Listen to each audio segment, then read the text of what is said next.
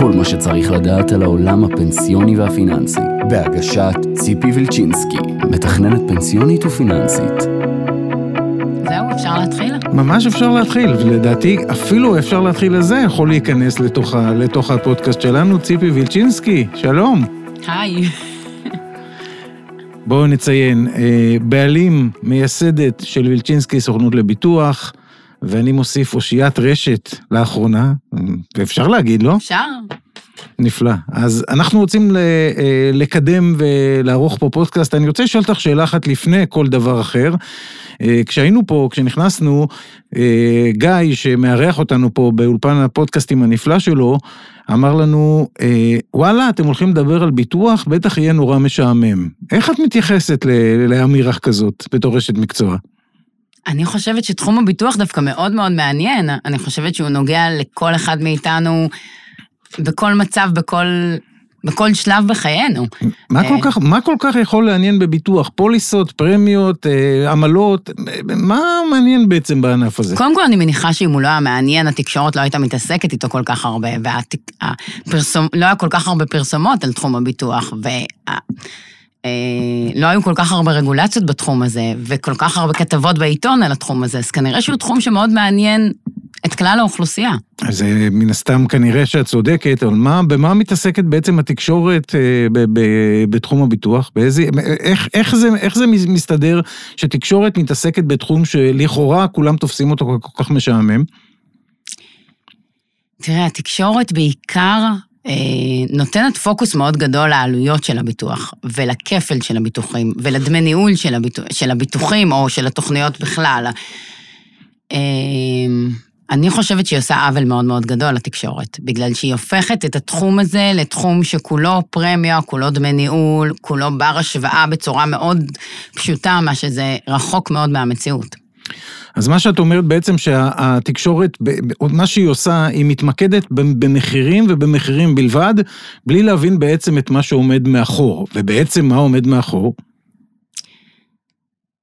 מאוד תלוי בכל אחד מהמוצרים, אבל אם אנחנו לוקחים את הפשט של הביטוחים, ביטוח אה, בריאות לצורך העניין, הוא ביטוח מאוד מאוד מורכב, יש בו הרבה כיסויים בפנים.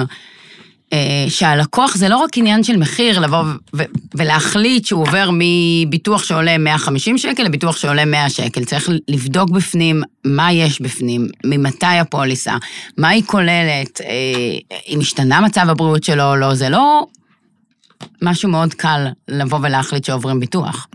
בעצם דיברנו, אה, עד עכשיו דיברנו על אה, תחום הביטוח בהסתכלות על, אה, על אנשים פרטיים, בעצם על אנשים בודדים, משפחות, עולם הפרט כמו שנקרא בעולם הביטוח. אבל את מתעסקת במשהו שהוא קצת יותר רחב. בואי תספרי לנו מה, מה בעצם, מהי בעצם ההתמחות האמיתית והמלאה שלך. בסוכנות אנחנו עובדים הרבה עם מעסיקים, אנחנו מלווים מעסיקים, אנחנו נותנים ניהול הסדרים למעסיקים, שבעצם זה אומר שאנחנו מגנים בשני כובעים. מצד אחד על המעסיק, לבדוק שבאמת הוא מפקיד נכון לעובדים, אה, הוא מנהל את כל האופרציה של ניהול ההסדרים הפנסיוניים בהתאם לחוק, ומצד שני גם להגן על העובד, לראות שבאמת העובד אה, מנוהל כמו שצריך, מבוטח כמו שצריך, המשפחה שלו מוגנת, התוכניות שלו מתאימות לצרכים שלו. והסינכרון הזה בעצם נותן למעסיק ולעובד את ההגנה לדעת שמתנהלים בצורה נכונה. בואי נפרק את, ה, את, את המעסיק והעובד, מכיוון שיש לנו פה שתי ישויות שבסוף מתמזגות לתוך ישות אחת גדולה. כשאנחנו, כשאת מדברת על אה, חובת מעסיק, מה, מעסיקים לא יודעים מה הם חייבים לעשות? זאת אומרת, אני מעריך שמעסיק שמשלם משכורות, יש לו אה, לשכת שכר, יש לו חשב שכר בעסק, והוא אמור לדעת, בעיקרון, מה הוא צריך לעשות. אז איך זה יכול להיות שהוא צריך עוד מישהו שיכוון אותו וינהל אותו ויגיד לו מה בדיוק הוא צריך לעשות? אז מעסיקים לא באמת יודעים איך הם צריכים להתנהל. אה, גם לא תמיד חשבי השכר יודעים איך הם צריכים להתנהל. רוב המעסיקים הגדולים בעצם מלווים באנשי מקצוע, אם זה יועצים חיצוניים ואם זה מנהלי סדרים גדולים שבעצם נמצאים ומלווים אותם. עיקר הבעיה היא של המעסיקים הקטנים והבינוניים, שחלקם גם צמחו במהלך הדרך, התחילו עם מעט עובדים ולאט לאט צמחו, וגם הרגולציה מאוד השתנתה בשנים האחרונות. המעסיקים לא יודעים לעקוב אחרי זה ולהכיר את כל השינויים שקורים שם. אה, והם חייבים דמות שתהיה ותלווה אותם, ותנחה אותם איך להתנהל בצורה נכונה, בהתאם לדרישות האוצר, לפיקוח, לשינויים. כדי להגן על המעסיק. תכף ניכנס ונדבר על הדרישות, אבל כשאת מדברת על מעסיקים שהם לא מעסיקים גדולים, סדרי גודל, 20 עובדים, 50 עובדים, 100 עובדים, היום, מה, מה סדרי הגודל של מעסיק? האמת שהיום כבר אפילו מעובד אחד, ומעובד אחד כבר נחשב, המעסיק צריך להתנהל בצורה נכונה. אבל כשאנחנו מדברים, בעסק שיש בו עובד אחד, סביר מאוד להניח, שאני מניח, אני לא יודע, שאין כדאיות לא למעסיק לקחת מישהו שיהיה מנהל הסדר, כמו שאת קוראת לו, ואין גם, גם לך כאשת מקצוע אה, איזושהי כדאיות כלכלית, ובואי, אנחנו בסופו של דבר נגיד את האמת, אנחנו בעסק כלכלי. בעל מכולת לא ייתן כיכרות לחם וגבינה בחינם, ואין שום סיבה בעולם שסוכן ביטוח ייתן את שירותיו בחינם, למרות שזה מה שהציבור יתרגל. אבל כשאנחנו מדברים על עסק בין, אה, בין עובד, שניים, שלושה, האם יש כדאיות לך ולא לקחת אותך כמי שתנהל את ההסדר בעסק הזה? בעיקרון, לנו אין באמת כדאיות בעסק של שניים, שלושה עובדים. אבל המעסיק כן צריך גם, ב, עם אחד, שניים, שלושה עובדים, כן צריך עדיין את, ה, את הסוכן ביטוח, כי הוא עדיין לא ידע להתנהל בצורה תקינה. לפני, אה, בפברואר, יצאה הנחיה שמעסיק מעל שלושה עובדים כבר חייב לעבוד דרך, לעבוד דרך הממשק האחיד. גם מעסיקים קטנים היום, הרגולציה מסתכלת עליהם כמו מעסיק גדול לכל דבר ועניין, הוא צריך לעבוד בצורה תקינה, כמו מעסיק גדול. ממשק אחיד, בואי בכמה מילים אה, תספרי למי שלא יודע מה זה, מה זה אומר? זה בעצם אומר שמעסיקים חייבים להעביר את ההפקדות הפנסיוניות לעובדים דרך אה, מערכת דיגיטלית, שהיא היא, היא מובנית, היא נקראת ממשק אחיד, היא עוברת, כל התשלומים מועברים בצורה ישירה לחברות הביטוח, ולא כמו שעד היום היו מתנהלים, דרך מיילים, אישורי העברות, וזה, אין כבר ידי אדם בהתעסקות של יד אדם בפנים, זה הכל הופך להיות דיגיטלי. בואי נוריד את זה לשפה של, של היום-יום, כי מי שמאזין, אני מעריך שמבין פחות בביטוח. זאת אומרת שמה שאת אומרת, שנגרייה בדרום תל אביב, עם בעל נגרייה ושלושה עובדים או חמישה עובדים, צריך להיות היום אה, חצי ממוחשב או ממוחשב לגמרי כדי להעביר את ההפקדות לתנאים הסוציאליים של העובדים שלו, בהנחה שהוא יודע מה המחויבויות שלו. נכון. זה, זה, זאת המשמעות? ממש ככה. ואז מה שאת אומרת, הוא צריך מישהו שילווה אותו בתהליך הזה, אם אני מבין נכון. נכון, הוא צריך מישהו שילווה אותו בתהליך, הוא צריך מישהו שיעזור לו לבחור את, ה, אה, את הגורם המתפעל, כמו שהאוצר בעצם קורא לזה, שידע לעשות את הפעולה הזאת, שיראה שהתשלומים מועברים כמו שצריך, אה, שיבדוק שהוא מתנהל בצורה תקינה. אה, כן. ושוב, כדי להשוות מושגים, כשאנחנו מדברים על, על גורם מתפעל, בואי תסבירי לנו מה, מה עושה הגורם המתפעל, להבדיל מהסוכן. הגורם המתפעל אחראי בעיקר על התשלומים והעברת הגבייה מהמעסיק לחברות ביטוח וקליטת התשלומים בחברות ביטוח. ותפקידו של הסוכן בתוך המקום הזה, זה בעצם אה, לכאורה מה שאת אומרת, אין לסוכן מקום ב, ב, בתוך העולם הזה, כשיש מי שמעביר את הכספים, הרי זה, לפי מה שאת אומרת, האוצר אומר, הכספים הם חזות הכל. דמי הניהול הנמוכים, אה, ואם יש מי שמעביר את הכספים, אז איפה התפקיד של סוכן הביטוח פה בכלל בתוך, בתוך מערכת ההתעסקויות עם המעסיק?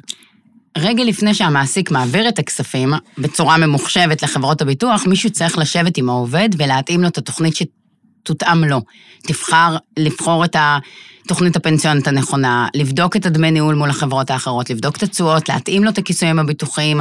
השלב של הסוכן הוא בעצם מקליטת הנתונים והתאמת התוכנית ללקוח, והעברה למעסיק, כדי שיעביר בהתאם לזה את התשלומים. אבל גם בתוך התהליך הזה, זאת אומרת, תפקיד הסוכן לא יסתיים שם, כי העובד עדיין, אה, יש לו כל מיני דברים שמשתנים. אם זה המצב המשפחתי שלו משתנה, העובד יכול לצאת לתקופה של חל"ת שהוא צריך מי שילווה אותו. כן, המצב החל"ת, בשוק... החל"ת הזה זכור לנו, כן. מתקופות קצת פחות נחמדות. נכון, מ... כן. נכון. אה, מצב השוק משתנה. העובדים אה, רוצים להתאים את עצמם ולנסות למקסם את הרווחים שלהם, אז הם רוצים לשנות את זה בהתאם למצב השוק, ואנחנו רואים בשנים האחרונות שלשוק ההון יש השפעה מאוד גדולה על התוכניות הפנסיוניות שלנו. כל מי שקיבל דוחות בימים האלה רואה מה קרה בשנת 2022. אה, אז הסוכן חייב להיות שם בתמונה. ואם יש תביעות בדרך, ואם השכר עולה, זאת אומרת, עדיין מישהו צריך לפקח על הדברים האלה ולעשות את השינויים, העובדים לא יודעים לעשות את זה. זאת אומרת שנוצרו בעצם שתי ישויות עבור המעסיק. ישות אחת שמתעסקת בצד הכספי, בצד ההעברות, ההעברות הכספיות, והישות השנייה שמתעסקת יותר בצד האיכותי, כמו שהגדרת אותו, אה, התאמת הכיסויים הביטוחיים ועוד התאמות אה, שנעשות במהלך השנים. אני מעריך שהצורך הביטוחי של בחור רווק בן 30 שונה מהצורך הביטוחי של נשוי עם ארבעה ילדים אה, בן 45, ושונה עוד יותר מאשר של מישהו שכבר מתחיל לראות את גיל הפרישה, נאמר בגיל 55, 56, 57, ובתוך המארג הזה, בתוך הצמתים האלה, בואי ספרי לנו אילו צמתים, או איך את היית מנהלת מנהלת אה, תיק אה, פנסיוני כזה, אני מדבר כרגע מהיבט העובד, אחר כך נדבר על ההיבט של המעסיק.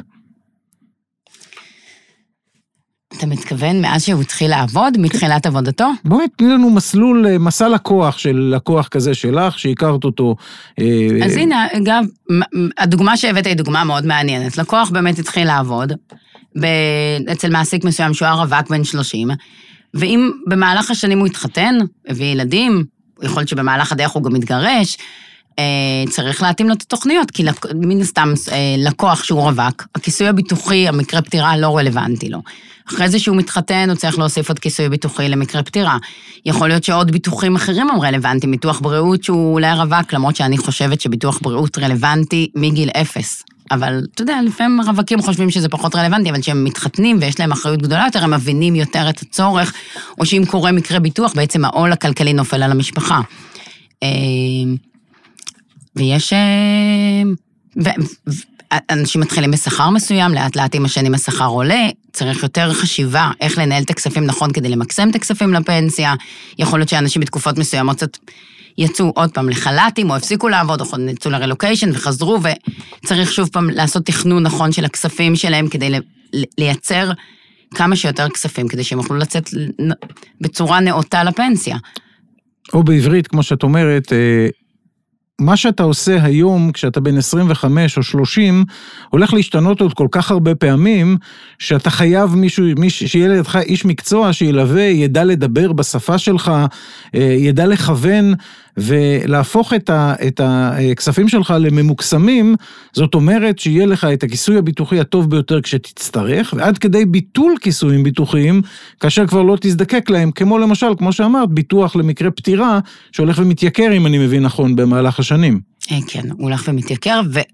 שוב, באמת אם אתה נוגע בנקודה הזאת, זה באמת מאוד מעניין, כי לקוח שהוא צעיר, בן 30, העלות של הביטוח היא באמת מאוד מאוד זולה.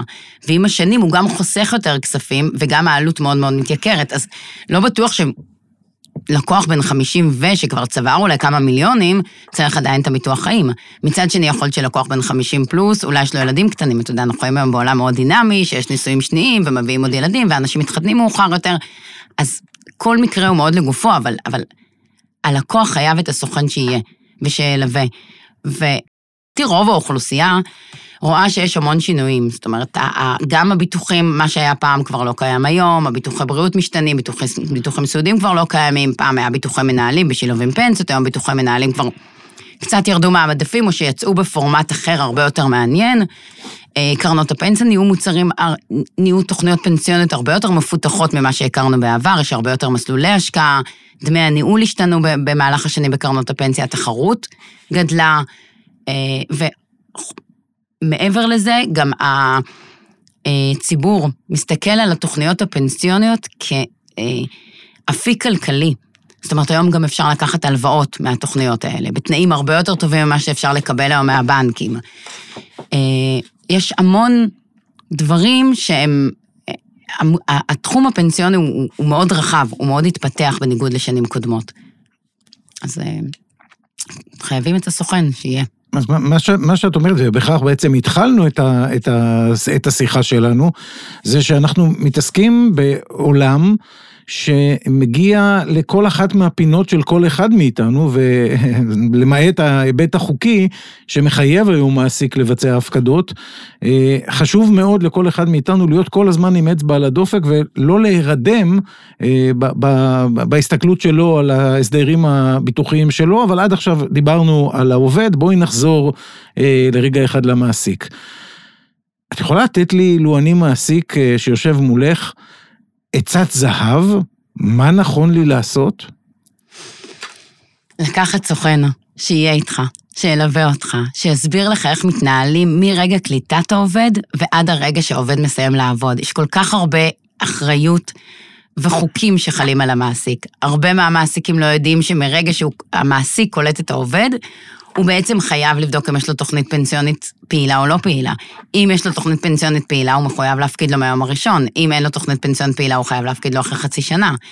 אה, מעסיקים לא יודעים להוציא, לבקש מהעובד את הדוחות הרלוונטיים, לא יודעים להוציא מסלקה, עובדים מסיימים לעבוד, המעסיקים לא יודעים להוציא מסמכי סיום עבודה בצורה תקינה. אה, במהלך הדרך אני נתקלת בזה המון, שהשכר משתנה לעובדים. עכשיו, האחריות של העובד יהיה כיסוי על 75% מהשכר, זה אחריות המעסיק. אם לעובד קורה מקרה ביטוחי והעובד לא מכוסה, בעצם המעסיק חשוף. וכדי לבדוק את הדברים האלה, הוא חייב איש מקצוע שיבדוק את המוצרים הפנסיוניים, שיראה שהם תואמים, שהם מגנים קודם כל על המעסיק מבחינת המעסיק. אני, אני, אני, שנייה אחת, לפני שאנחנו נכנסים לדבר המאוד משמעותי שאמרת במשפט, בכמה המשפטים האחרונים, הזכרת ביטוי שנקרא מסלקה. Mm-hmm. הביטוי הזה מסתובב, ובואי תבהירי למי שמאזין לפודקאסט שלנו, מה זאת בעצם המסלקה הפנסיונית? המסלקה היא מערכת של משרד האוצר, שבעצם מרכזת את כל הנתונים הפנסיוניים, שאנחנו מבקשים, אנחנו מחתימים עובד לקבל את המידעים מחברת ביטוח, זה בעצם כל המידעים תחת תעודת הזהות של העובד, שאנחנו מקבלים את הנתונים עליהם. אה, והיום החוק מחייב אותנו כסוכנים להזמין מסלקה לפני שאנחנו בכלל נפגשים עם העובד, לפני שאנחנו בכלל נותנים לו איזושהי עצה או המלצה, אנחנו צריכים להוציא את המסלקה כדי לדעת מה יש לו. כשאנחנו מדברים על מסלקה, יש ביטוי נוסף, או יש מאגר נוסף של, אה, של אה, ביטוח, שנקרא הר הביטוח. Mm-hmm. מה ההבדל בין השניים?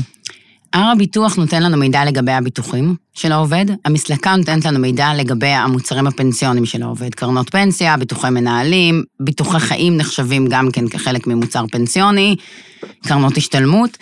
הר הביטוח נותן לנו את המידע לגבי הביטוחים, אבל גם כן, הר הביטוח נותן לנו את המידע כמה הוא משלם על הביטוח ואיזה ביטוח יש לו, אבל הוא לא מראה לנו בפנים את הכיסויים. זאת אומרת, אני יכולה לראות ביטוח סיעודי ושהוא משלם עליו איקס כסף, אבל אני לא יודעת מה הכיסוי שיש לו לביטוח סיעודי, מה הסכום שיש לו לביטוח סיעודי. אני אראה מחלות קשות, אני אראה סכום שהוא משלם, אבל אני לא יודע על איזה כיסוי הוא מכוסה למחלות קשות, אם יש לו 50 אלף או 600 אלף שקל.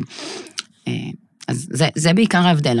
אפשר להגיד בטר, בטרמינולוגיה של ענף הביטוח, או בטרמינולוגיה של אה, אנשים אה, מן היישוב שאינם מענף הביטוח, שהר הביטוח מציג את ביטוחי, מה שנקראים ביטוחי הפרט, אלה שהאדם עושה עבור עצמו ולעצמו ולמשפחתו, ולעומת זאת ההסדרים, המסלקה הפנסיונית נותנת את ההיבטים, נקרא לזה, של התנאים הסוציאליים של העובד, כלומר את ההפקדות. הגדרה מדויקת. אוקיי. הגדרת את זה בצורה מדהימה, כן. אחת הסיבות שהגעתי לפה זה כדי כן. לנסות להגדיר בצורה מדהימה. בואי נחזור שוב למעסיק בפעם אחת נוספת. את אומרת שזאת חובתו של המעסיק לבדוק האם לעובד יש את, ה, את אה, סוג ההסדר הפנסיוני הנכון עבורו?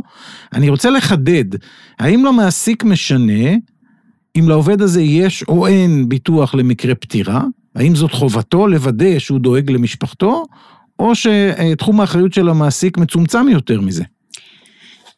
תחום האחריות של המעסיק הוא מעט יותר מצומצם, הוא לא צריך לבדוק אם לעובד יש כיסוי למקרה פטירה או לא. אובדן כושר עבודה, אגב, הוא כן צריך לבדוק, הוא כן חייב להיות אחראי שלעובד יהיה 75% לאובדן כושר עבודה. אבל התחרות היום בין המעסיקים היא מאוד גדולה, וכל המעסיקים רוצים היום לגייס עובדים איכותיים ועובדים טובים. ושהמעסיק יודע ללוות את העובד ולתת לו איש מקצוע שמלווה אותו ובודק לו גם את התוכניות, זה עוד ערך שהמעסיק נותן לעובד, ושהמעסיק יודע לתת לעובד איש מקצוע שנמצא, ואולי גם נותן הרצאות לעובדים, או, או מלווה את העובד, או מעדכן את העובד בכל השינויים, ונותן לו מגוון רחב, זה גם כן עוד ערך שיש למעסיק. שיש סוכן שנמצא בתוך המעסיק, בתוך הארגון, ומלווה את המעסיק, ברוב הפעמים אנחנו גם יודעים להוציא הסדרים טובים יותר, דמי ניהול טובים יותר, אובדני כושר עבודה מפעלים בעלות זולה יותר, זאת אומרת שזה גם משהו שמשפר ומשדרג את התנאים הסוציאליים של, ה, של העובד, שבדרך עקיפה זה גם מעצים ומגדיל את הערך של המעסיק. עד לפני כמה שנים היה נוהל אצל מעסיקים אה, לקלוט עובד ולהגיד לו, זה הסוכן של החברה, תעבוד איתו. מהמם. עדיין מותר לו לעשות למעסיק דבר כזה? לא, מעסיקים היום כבר לא יכולים להחליט בשביל העובד איפה הוא יעשה את התוכנית הפנסיונית, איזה תוכנית פנסיונית הוא יעשה ומי יהיה הסוכן שיעשה לו את התוכנית הפנסיונית. העובד היום יכול לבחור איזה סוכן שהוא רוצה, באיזה חברת ביטוח שהוא רוצה, ואם הוא רוצה להתנהל באופן ישיר, הוא גם יכול לעשות את זה באופן ישיר מול חברות הביטוח. זאת אומרת שאת אומ- את אומרת בעצם שלמעסיק נשארו מעט מאוד זכויות והרבה מאוד חובות. ההגדרה, ממש היית ככה. קונה את ההגדרה כהגדרה נכונה? ממש ככה, ממש ככה, כן. אז אני, אני, אני מנסה לחדד את זה שוב. מה- המעסיק צריך לצאת מתוך נקודת הנחה שהוא חשוף, מעצם היותו מעסיק הוא חשוף. והוא צריך לייצר כמה שיותר הגנות כדי שהוא הוא יהיה כמה שיותר מוגן. הזכרת איזשהו דבר שאני רוצה, אני רוצה להרחיב, רוצה להרחיב לגביו. בואי נצא מנקודת הנחה של אה, עובד מסוים, הוא הגיע, נבדק, לא נבדק, לא, חש, לא חשוב, אני מעריך שרוב המעסיקים לא בודקים את, אה, את הדברים באמת, מכיוון שהם חסרי ידע. אני מעריך שבמשרד עורכי דין שמתעסק בליטיגציה פלילית, או ב... סליחה, בליט, ב, ב, בליטיגציה או בתחום הפלילי, במעמד אישי, אין באמת את, ה, את ההבנה של העולם הפנסיוני, ואז חלילה קורה משהו והעובד נקלע למצב של אובדן כושר עבודה, מה שאת אומרת זה שהמעסיק אמור להיכנס ולהפוך בעצם להיות מבטח. ממש ככה, אתה מגדיר את זה בצורה מעולה, נכון? נכון, אם המעסיק לא בדק ולא דאג שלעובד יש אובדן כושר עבודה בהתאם לחוק, אם קורה לעובד מקרה ביטוחי, המעסיק חשוף והמעסיק יצטרך לשלם. גם אם העובד, המעסיק לא התחיל להפקיד לעובד מהיום הראשון, אם הגיע לעובד מהיום הראשון, או המשיך את הרציפות וקרה מקרה פטירה לעובד, גם שם המעסיק חשוף, גם שם המעסיק נכנס לנעלי חברת הביטוח וצריך לשלם לעובד. פה אני חוזר לתפקידו של אה, סוכן הביטוח. הרי יש סוכן ביטוח, הגיע אליי כמעסיק עובד, יש לו סוכן ביטוח, אה, אני מניח שסוכן הביטוח דאג לו כמו שצריך, ואז מתגלה שלא. איפה מערכת היחסים הזאת בין הסוכן, שאני מעולם לא, לא הסמכתי אותו ולא מיניתי אותו להיות הסוכן, מי שמטפל בעובד שלי, לבין החבות שלי כמעסיק, מה גובר על מה ומה עושים במקרה כזה. האם הסוכן, אה, סוכ- הסוכן של אותו עובד נתון לתביעה מצד המעסיק? אמ, בעיקרון האחריות היא של המעסיק. האחריות היא לגמרי של המעסיק לגבי הכיסוי הביטוחי אה, בהתחלת ההפקדות. הסוכן הוא לא של המעסיק, הסוכן הוא של העובד. אם העובד רוצה לתבוע את הסוכן, זה עניין שלו, אבל אה, האחריות היא של המעסיק. אה, באחד, באחד מהקריאות שלי את, את חומר עולם הביטוח, הבנתי שבעצם העובד הוא הריבון על, על המוצר הפנסיוני שלו. מה עושה, או מה עושים, אם עובד מסוים החליט שהוא איננו מעוניין בביטוח אובדן כושר עבודה? איך המעסיק מתמודד עם זה? והאם מותר בכלל לעובד להחליט שהוא איננו מעוניין בכיסוי לאובדן כושר עבודה? תראה, העובד בעיקרון, כמו שאמרת, הוא הריבון. אני אומרת, העובד הוא המלך.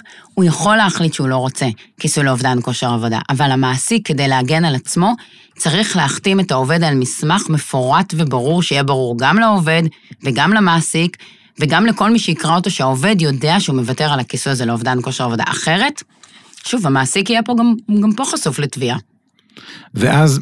האוצר גם, ב- לפני כמה שנים האוצר הגדיל את הפקדות המעסיק, את חבות המעסיק, אם בעבר המעסיק היה צריך לשלם חמישה אחוז לעובד, לתגמולים, בעצם האוצר חייב להגדיל לשישה וחצי אחוז. אחת הסיבות שהוא ביקש להגדיל את זה, כדי שהמעסיק יהיה חייב לדאוג לכיסוי לאובדן כושר עבודה לעובד.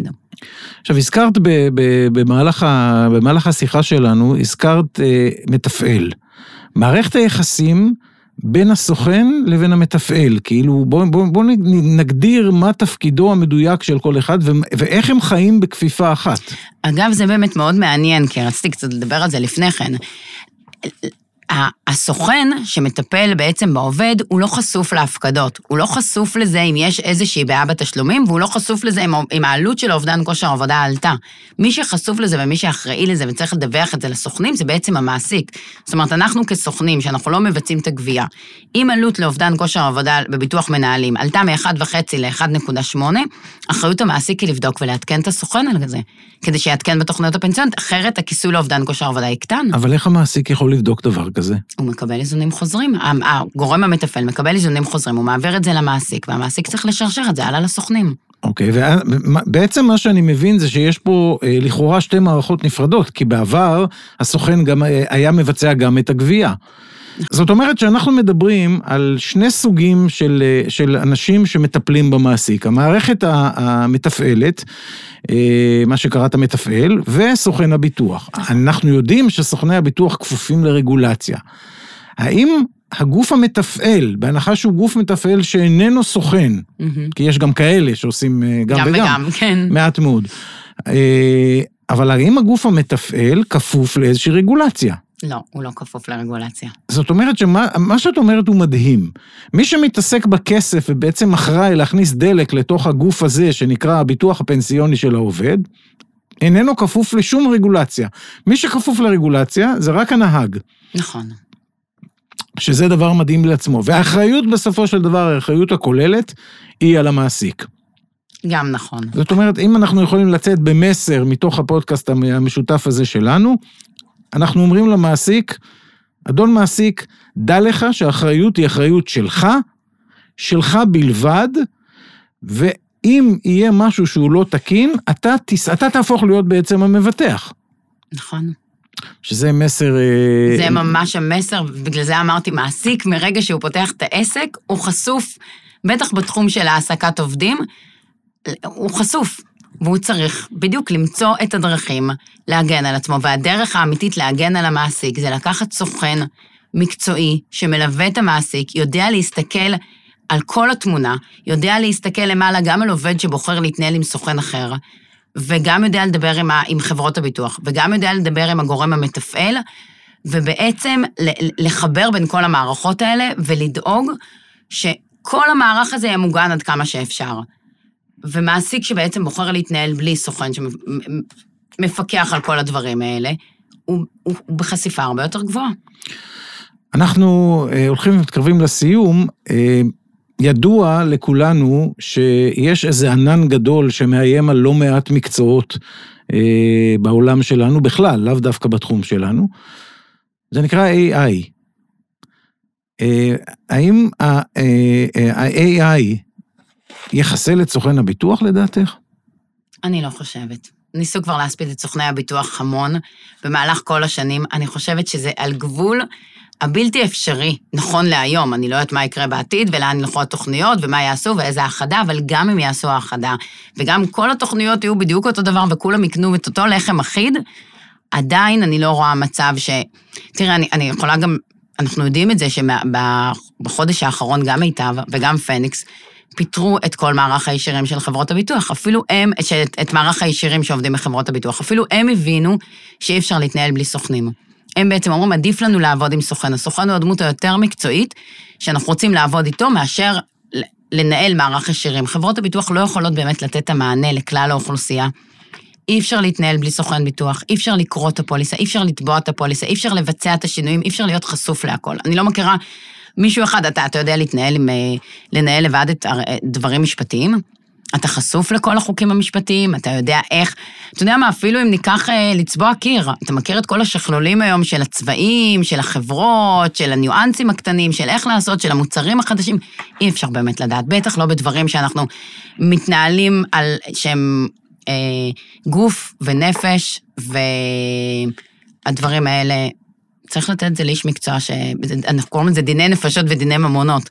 זאת אומרת, בדברים האלה אתה, אתה חייב שיהיה לך איש מקצוע שילווה אותך, גם אם התוכניות יהיו זהות לחלוטין. למעשה מה שאת אומרת, ובכך אנחנו, אה, אה, אנחנו נסיים, ניתן לך משפט אחד לסיום, שיש מקצועות שעוסקים בדיני נפשות, וזה רופאים, יש מקצועות שעוסקים בדיני ממונות, ובדרך כלל זה עורכי דין, רואי חשבון, וסוכני הביטוח מתנהלים או מתעסקים גם וגם.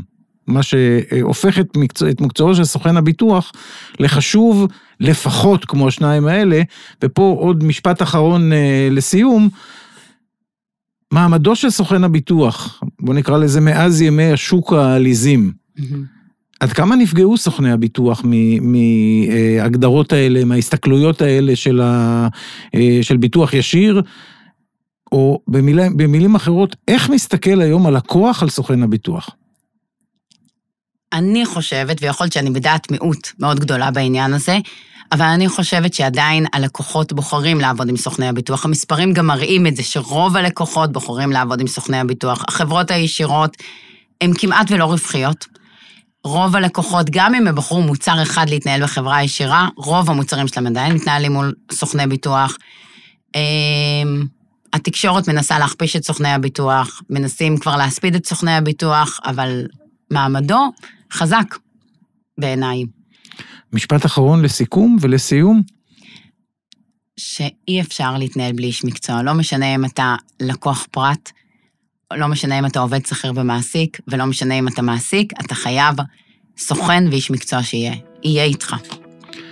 ציפי וילצ'ינסקי, מנהלת, מקימה, מייסדת ובעלים של ויצ'ינסקי סוכנות לביטוח. החכמנו מאוד, תודה רבה. תודה. כל מה שצריך לדעת על העולם הפנסיוני והפיננסי, בהגשת ציפי וילצ'ינסקי, מתכננת פנסיונית ופיננסית.